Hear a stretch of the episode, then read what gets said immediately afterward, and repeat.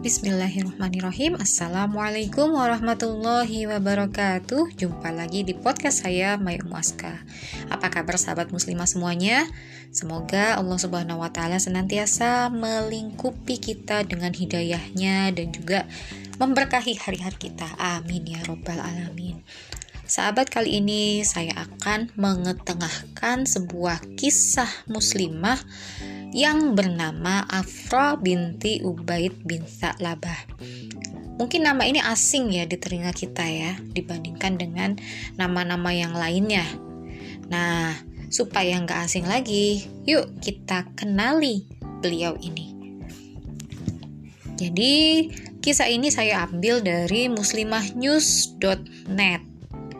Langsung saja saya bacakan tentang Afro binti Ubaid bin Sa'labah, ibunda para syuhada. Sahabat, peristiwa Bayat Aqabah pertama adalah titik awal meluasnya Islam di seluruh jazirah Arab. Peristiwa ini bermula dari kedatangan rombongan 12 orang dari Madinah dan seorang wanita yang berziarah ke Ka'bah. Singkat cerita, 12 orang ini membaiat Rasulullah untuk menaati dan mengimani Allah dan Rasulnya. Sejarah menyebut peristiwa legendaris itu sebagai Bayat Nisa. Bayat Nisa karena ada seorang wanita yang turut serta dalam perjanjian memeluk Islam dan membela Nabi Muhammad SAW tersebut. Ia adalah Afro binti Ubaid. Afro adalah wanita yang mendapat kedudukan mulia setelah ia masuk Islam. Allah Ta'ala menganugerahkan kepadanya tujuh orang putra yang semuanya ikut dalam perang badar dalam keadaan muslim. Hampir semua putranya syahid di jalan Allah. Ketujuhnya adalah Mu'az, Ma'uz, Auf, Khalid, Iyas, Akil, dan Amir. Mu'az dan Ma'uz gugur sebagai syuhada dalam perang badar, sedangkan Khalid gugur sebagai syuhada dalam peristiwa Ar-Roji Adapun Amir gugur sebagai syuhada pada peristiwa Bi'ru Ma'unah, sedangkan Iyas gugur dalam perang Yamamah. Afro mendidik dan mengasuh tujuh putranya dengan tangannya sendiri. Ia menanamkan kepada anak-anaknya fondasi keimanan dan kecintaan kepada Allah dan Rasulnya. Dari rasa cinta yang ia tanamkan inilah, salah seorang putranya berhasil membunuh Fir'aunnya umat zaman itu, yakni Abu Jahal, sebab ia telah mencela Rasulullah Shallallahu Alaihi Wasallam. Diriwayatkan dari Abdurrahman bin Auf, ia berkata, Ketika aku berdiri dalam barisan tentara pada saat perang Badar, aku melihat ke samping kanan dan kiriku. Ternyata aku berada di antara dua anak muda dari kaum Ansor.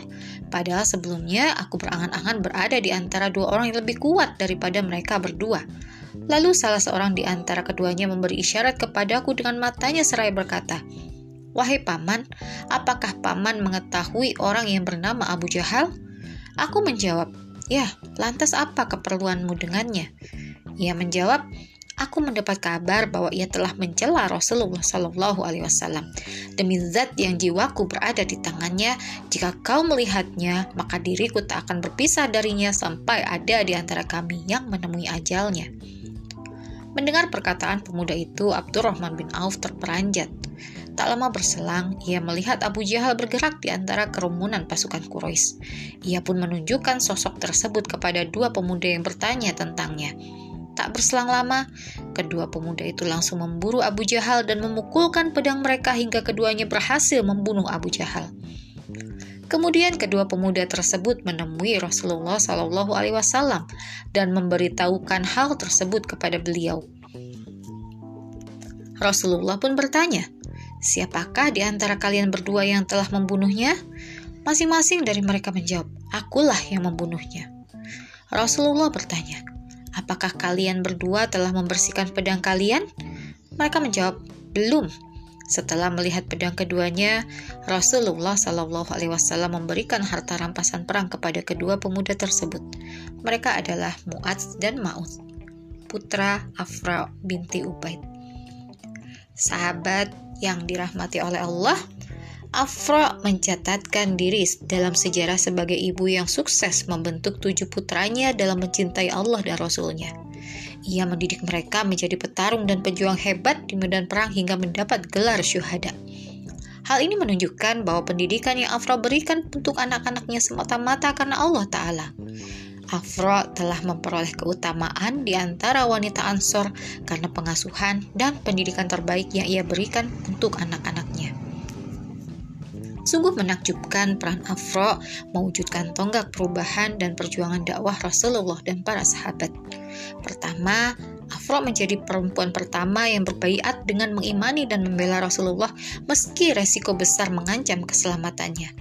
Kedua, Afro turut berjuang dalam syiar Islam hingga Madinah dapat menjadi negeri yang terpilih untuk hijrah dan berdirinya negara Islam yang pertama.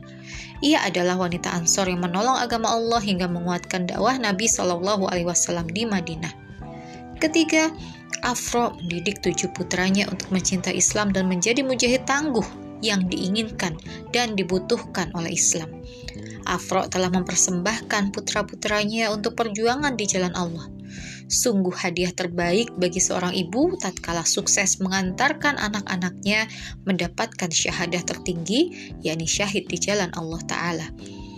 Afro adalah ibu panutan, pejuang yang patut menjadi teladan, serta muslimah yang mendedikasikan kehidupannya untuk menolong agama Allah. Sudah selayaknya sosok yang luar biasa ini dapat menginspirasi kaum ibu generasi abad ini sebagai arsitek peradaban yang mendidik generasi untuk siap berjuang di jalan Islam. Semoga kita mampu meneladani Afro. Amin ya Robbal 'Alamin. Wassalamualaikum warahmatullahi wabarakatuh.